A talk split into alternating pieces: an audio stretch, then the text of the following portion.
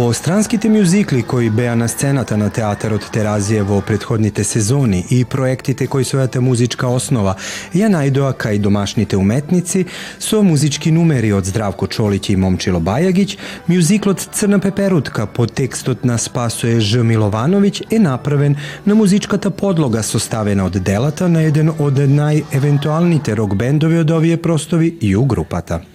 Ова е на приказна или прича што ви рекли, приказна една која што некако од фантомот на операта се провлекува. Тоест после мојата премиера на Чикаго во во МНТ во Скопје, режисерката Наташа некако не, не, не се сеќам точно како беше таа прича стапи во контакт овде па некако они ме, ме виделе па требаше за фантомот не и некако со 300 препреки не се случи тоа што се случи, но јас како како викам знаеш Тоа е што не е за тебе ќе те заобиколи, што е за тебе ќе ќе си дојде. И некако тогаш цело време некако ми стоеше некаде теразија, теразија, теразија, теразија неколку години. И subscribe нели на на мејлот имав направено на мејлинг листата и имав лајкнато страната на Инстаграм и на Фејсбук и гледам едно утро беше пред тренинг се спремав, се мијам лице и ми, ми стигна нешто на телефонот, нели сме зависници од телефони и секаде со нас. И гледам нешто позориште на теразија отворам, гледам кастинг аудиција за Црни лептир, а така некако како што беше кастингот после неколку дена од објавата, јас требаше да доаѓам Белград заради некои други обврски. И викам, ајде да видам што се бара. Се бара неколку песни од ју група, од кои што две знаев, две не знаев и имаше 3-4 сцени што требаше да се научат. И викам, ќе идам ова да видам, баш ме интересира што може да се случи, знаеш, пошто ништо не е случајно фала Богу за тоа. И ги зедов тие сцени, ги научив и пишав на баш на Ивана, ја запознавте Ивана, фантастична женска, и пуштив мејл, тоа што не го прими мејлот, ја не знаев дека тоа Ивана е нели во прашање, и вика тоа е првата пријава што се случи. Значи како го објавивме кастингот после 15 минути се случи вика пријава од Македонија. И гледам вика на CV-то човекот што го играл Били Флин во Македонија, македонскиот Били Флин, и викам еј ова е можда интересно, ми врати жената фино уредно се. замолив да дека не можам да дојдам тука лично за пријава, дали може директ да се појавам на кастинг да одредиме термин. Одредивме термин, се појавив на кастинг, прво беше пејачкиот дел, пробата, тоест кастингот што викам беше распродаден, имаше многу луѓе тука и а, помина многу добро тој пејачкиот дел. А, и ми вика режисерот, те молам, вика, остави го тој лик што го имаш учено, земи го, вика, тој другиот лик, ликот на Стојан Филиповиќ, што сега стана Филиповски заради мене. А, вика, земи ја таа сцена, значи, не знам за што се работи. Го зедов тој лик, прочитав, малце пробав да сватам што се случува.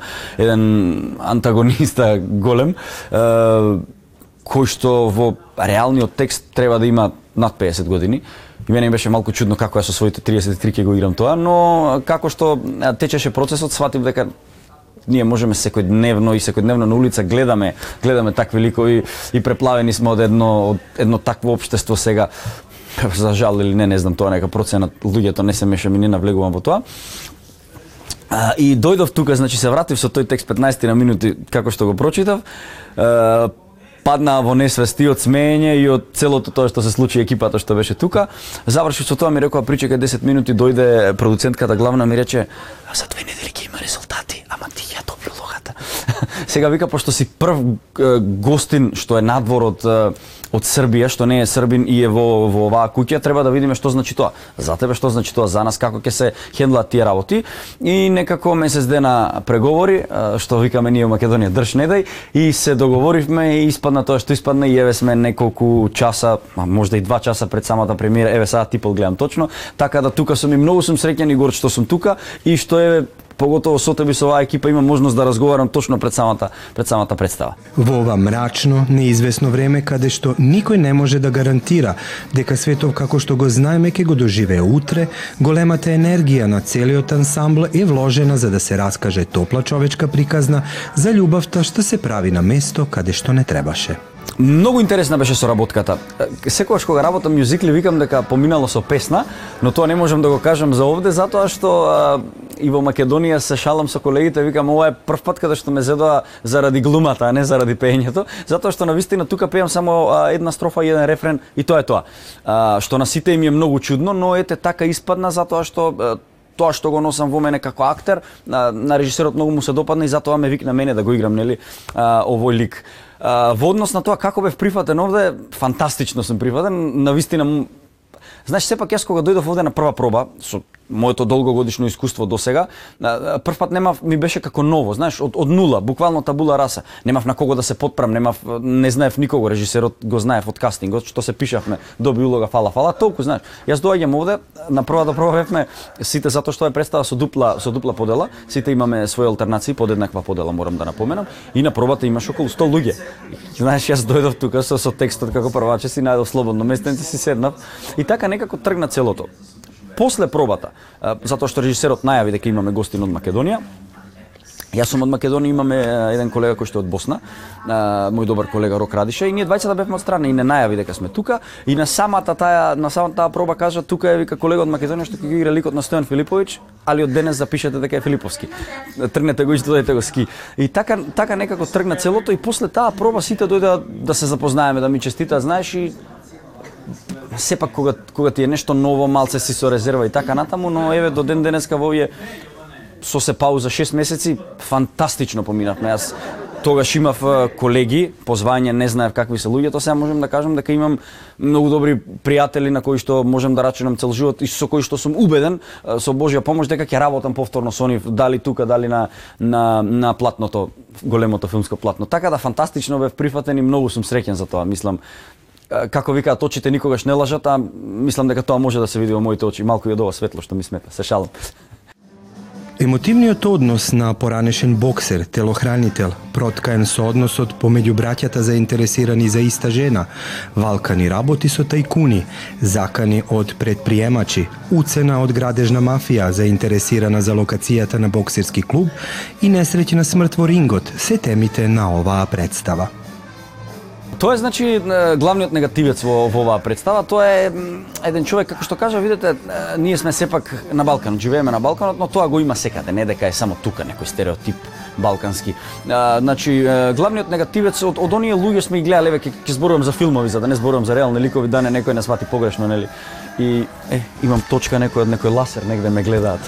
значи ќе зборам за филмски ликови. Е, знаете оние диаболици буквално во таа смисла луѓе кои што е, имаат многу пари, а, и не знаат што со себе со парите. Значи често се зборува во оваа представа дека а, мојот лик, можам слободно да открием затоа што ќе биде премиерата и ќе видат луѓето. Значи се зборува дека ликот е а, психопата, а, психопата, психопат што ви се рекло со македонски падеж, дека е а, човек кој што користи наркотични средства, човек кој што од забава убива луѓе, човек кој што за да диџејот промени песна, него замолува, него му праќа на тац на куршум. Знаеш, за, за такви ликови правиме. муа, човек со кој што не знаеш доколку разговараш дали ќе те поздрави со рака или ќе ти упук, ќе те упука у нога. Буквално за, за такви ликови правиме муавет.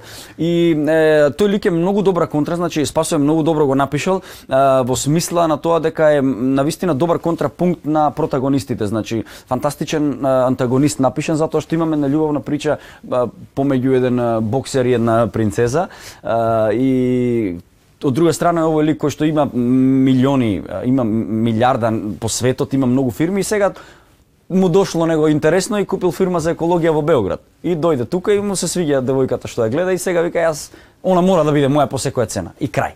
Значи тој е тип што убива луѓе, тип што мести мечеви, тип што како да ти кажам, тип кој што е, ужива додека другите страдаат. Некој а, ако зборуваме со театарски сленг, може би некој Мефисто. Нешто нешто така, кованица од многу од многу е, ликови, а како јас го градев ликот просто се се препуштив на енергијата што ми ја даваат колегите овде и на тоа што тоа јас го имам стекнато како искуство до сега и на што го имам гледано и што сум сакал да го одиграм од ликови што ми биле драги како Калигула, па и од самиот Мефисто, има тука и Дон Жуански некој метод, има малку Казанова, има некои моменти на, на, на романите од, од, од Балзак. Така да една, една добра симбиоза и мислам дека еден доста комплетен лик е направен, а како што спомнав, значи имаме и алтернации.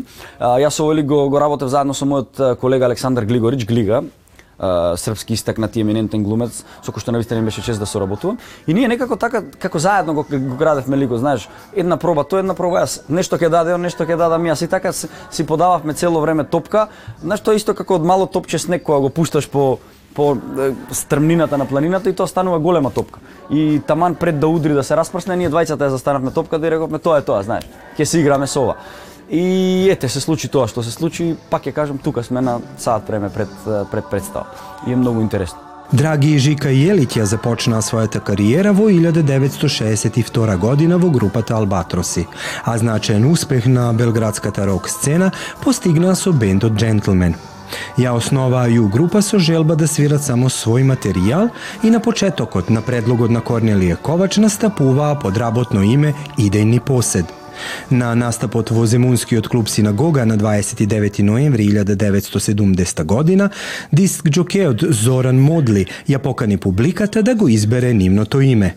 Предлогот на младиот Мирослав Станивук беше прифатен и од таа вечер тие беа Ю група.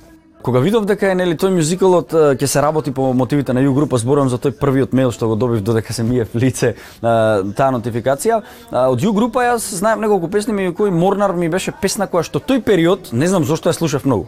Знаеш, често ми беше на плейлистата околу дома на тренинг и така натаму. И викам, хм, добро. И читајќи многу за јас за Ју група знам од како знам за себе. Значи, знам за една култна група која што постои веќе 50 години и некако цело време цело време живее, значи како тако така некој динамо метод кој што цело време они се се тркалаат и, и, и ствараат и тоа е многу убаво. Кога кога зборувам се тркалаат во смисла мислам ствараат, ствараат и ствараат. И ајде реков да видам какви биле почетоците на ју група буквално за тоа истражување. Видов дека ју група првите настапи, тоест браќата Јелич ги почнале во Ровин, а Ровин е градот од каде што е мојата мајка, каде што јас имам растено цел живот малтене. И викам, добро, овие два факти ми се доволно, не навлегувам под лавого затоа што ако видам уште нешто, Бог знае што ќе биде. Значи со овие две информации ќе отидам на кастинг па ќе видам што ќе се случи.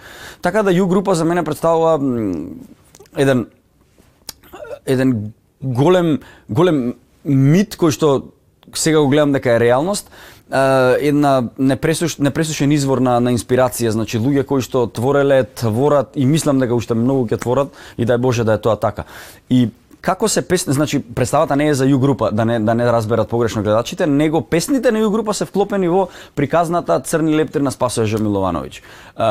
и на вистина се многу добро одбрани. Значи секоја сцена е поентирана со еден хит на Ју групата и тоа тоа е на вистина полн погодок, што би се рекло. Театар комедија како национална институција е формиран во ноември 2011 година, а своето официјално отворање го означи со премиерното прикажување на представата Ах, љубов моја во режија на Коле Ангеловски и тоа на Светскиот ден на театарот 27 март 2012 година. Од основањето па до 2014 година, кога се всели во зградата на некогашниот театар Центар, ја користеше сцената на Драмски театар Скопје. Вчера имаше премиера во, во театар комедија, а, за две недели има уште една, значи се работи, а короната ја надминавме така што не застанавме со работа, значи на вистина не застанавме со работа. Работевме од дома цело време, имавме некои снимавме некои клипови, мотивациони видеа, знаеш дека како треба да се остане дома, па како треба да се твори, како не треба да се затвараме себе си, да подклекнуваме на на тие едни депресии кои што цело време како облаци над нас демнеа, знаеш, со бури, со громови, со дождови и, и ред други работи. И цело време имавме нешто кое што го правевме за нашите фанови во смисла два пати направивме концерти, нешто како глумците пе пеат, каде што нели сите отидовме со тестови со маски на дистанца, имавме лайв стриминг во живо на Facebook и неколку од нас кои што се бавиме со пеење направивме како мини концертчиња и тоа беше стварно добро затоа што гледавме колку на луѓето им фали тоа. После после тие први 6 месеци страшни, знаеш, почнавме да да функционираме и главниот главниот коментар беше продолжете да го правите тоа, знаете колку можете почесто, значи се уклучува и по 2-3 луѓе во, во тие саат време, што е навистина добро со коментари као топ сте супер. Почнавме представите нели да ги емитуваме и во во живо, не во живо, него како да ги аплодираме на YouTube за да одат во за да одат да ги гледаат гледачите како да кажем лайв и тоа испадна супер. Јас сум малку се скептик кога представа една затоа што театарот е магија помеѓу сега и овде between here and now и треба да се доживее на вистина и малце бев скептик како тоа ќе се доживеат представите кога ги гледаш ти на снимка, знаеш. Но видов дека толку на луѓето им фалеше нешто такво што на вистина и тоа помина фантастично и што би рекле ниво прилеп со себа под сега имаме можност да ги погледнеме представите на YouTube. Значи кој сака да ги погледне представите може да се укуца на YouTube и да ги гледа. Освен представата се разбира Вардарски пастови која што никако не ја даваме да оди снимка затоа што еве после 7 години години представата се продава во рекордни 20 минути. Сега на трети кога ќе се вратам ја играм таа представа, се јавив денес, вчера искочи репертоарот, вчера денес се јави за карти и рекоа, "Жаре последните две, сакаш верој, сакаш не, ти ги чуваме тебе." Затоа што знаевме дека ќе се вратиш да играш и и да ќе побараш карти. И тоа исто ми пишеа многу од фановите, да речем, луѓе кои што пратат театар, кога ќе се врати затоа што малце ни требаш, ни, ни зафалика, што е навистина интересно многу. Направив една дистанца, видов како се работи театарот, како се работи таму, но сепак ова е една бивша република која што беше голема и принципот е многу сличен. И јазикот е многу сличен, колку и да е различен. Ти ти тоа мислам дека многу добро можеш да направиш таа дистинкција и е, сето тоа е многу фантастично и добро за мене, затоа што јас некако цело тоа го гледам секој нов процес е како една надградба на сам себе. И мислам дека ова беше едно од тие мои мастерски видувања на на целото. Така да со оваа премиера вечерва јас ќе ја заокружам мојата 50-та премиера професионална силна во, во мојата кариера и е, сум особено горд и ми е мило што ете случајно видов денес дека ова е 50-та премиера што ќе им биде вечерва и супер, само нека продолжи да врти тоа тркалото. Ja bih tebe rado zvao, u glavi mi radi crv, zato što sam rado znao, ma kome sad piješ krv. Radio Sanco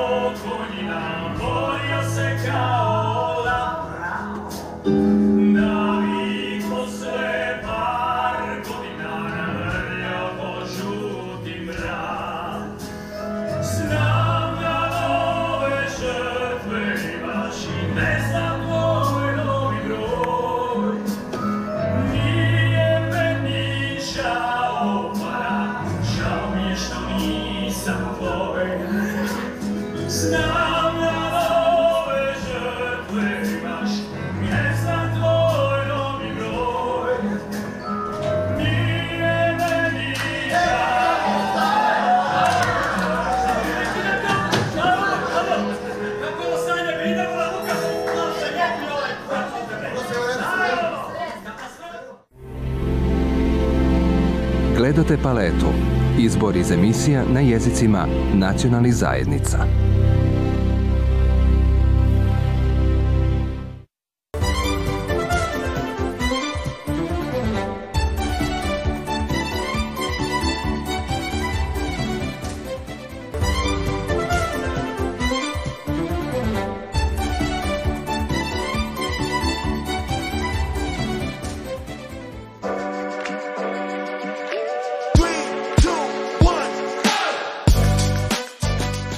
Од 21 до 30 октомври, а во рамките на програмската целина градна Стрипот, кој ги собира најзначајните карикатуристи, кои играјќи се со овој вид на уметноста, ги представија своите нови форми во културната станица Дистрих во Нови Сад, каде се одржа и низа концерти на алтернативни бендови од Србија и регионот.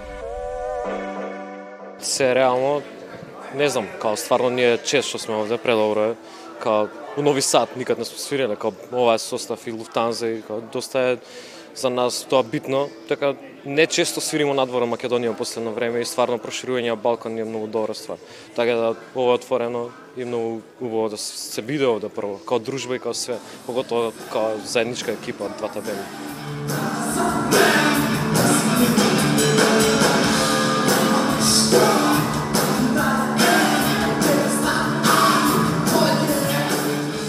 Првиот сингл What We Stand For, победниците на Лузер фест 2019 година, Cut Your Nipple го издадоа својот прв студиски албум под етикетата на Passport Production.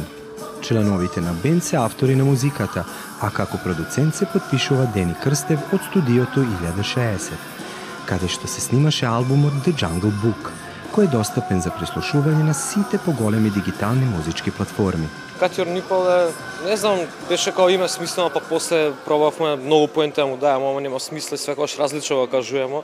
А мој момент донесов одлука као нешто, треба да жртвуеш нешто тебе, као да исечеш као брадавица, да за нешто што е потребно и као да одделиш од твоето тело, е како добра прича за нешто да се одделиш од него, а да продолжиш да живи, знаеш, да можеш 2018 после, малце завушававме на почеток, победивме Лузерфест, посвоивме албум, снимивме албумот и сега го спремам вториот, имам нов гитарист, тоа е Лука од Луфтанза, он е мостот према Луфтанза и Катјур Нипал, па здравје на турнеја до да година заедно, како добра стопка, да. Ние свириме рок н рол. Мислам под рок н рол подразбирам Мислам рок н рол во својата суштина е рок н рол и рок н рол секогаш ќе види рок н рол има некоја бунтовност во целата музика. Мислам дека е битно да се биде бунтовник против што сакаш да бидиш. Ама, окей, да бидеме по-специфични, некој алтернативен рок, постпанк, панк, психоделија исто така. Лука Јовановски е дел од еден неформален музички колектив кој го представува јадрото на новиот бран независна македонска музичка сцена.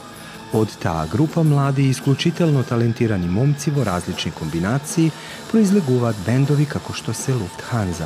Танза постои од 2021 почнавме да работиме што 2020 Никогаш не сме свирали надвор од Македонија, цело време Скопје, Кавадар се свиравме вамо тамо и така имаме колку четири изданија до сега, три албуми, еден EP и така не свириме рок н рол. Novi Sad od Sekogaš bil grad na devetata umetnost, kada što započnale nekoj od denešnite svetski poznati strip umetnici.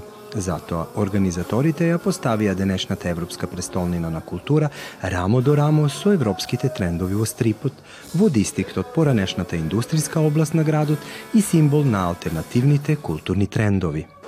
Imam jedan многу голем Watchmen стрип, големиот, мислам дека тоа оригиналот и го даде другар на мајка ми го даде, ма го немам прочитано на порано на одмор во Хрватска, многу сакав Загор. Мислам Загор е она основата, ама класика, ама Загор е, е многу, мислам, близок ми е до душата.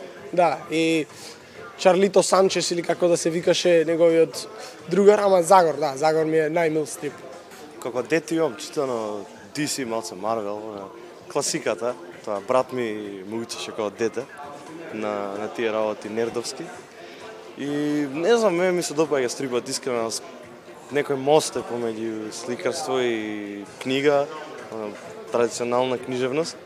И може да раскаже приказно што не би можела само книга, како Sin City, пример, или Watchmen, ете нека има многу добри стрипови на свет на факултет на ликовна уметност и мораше да гледам Алан Форд и такви стрипови што се легендарни за да можам да направам некоја реплика и некоја графика што ќе биде како постер на тоа за конкурс, за конкурс некој. Така да не сум искусен со тие ствари, ама истражував за да дојам до нешто, некој дело за да можам да направам.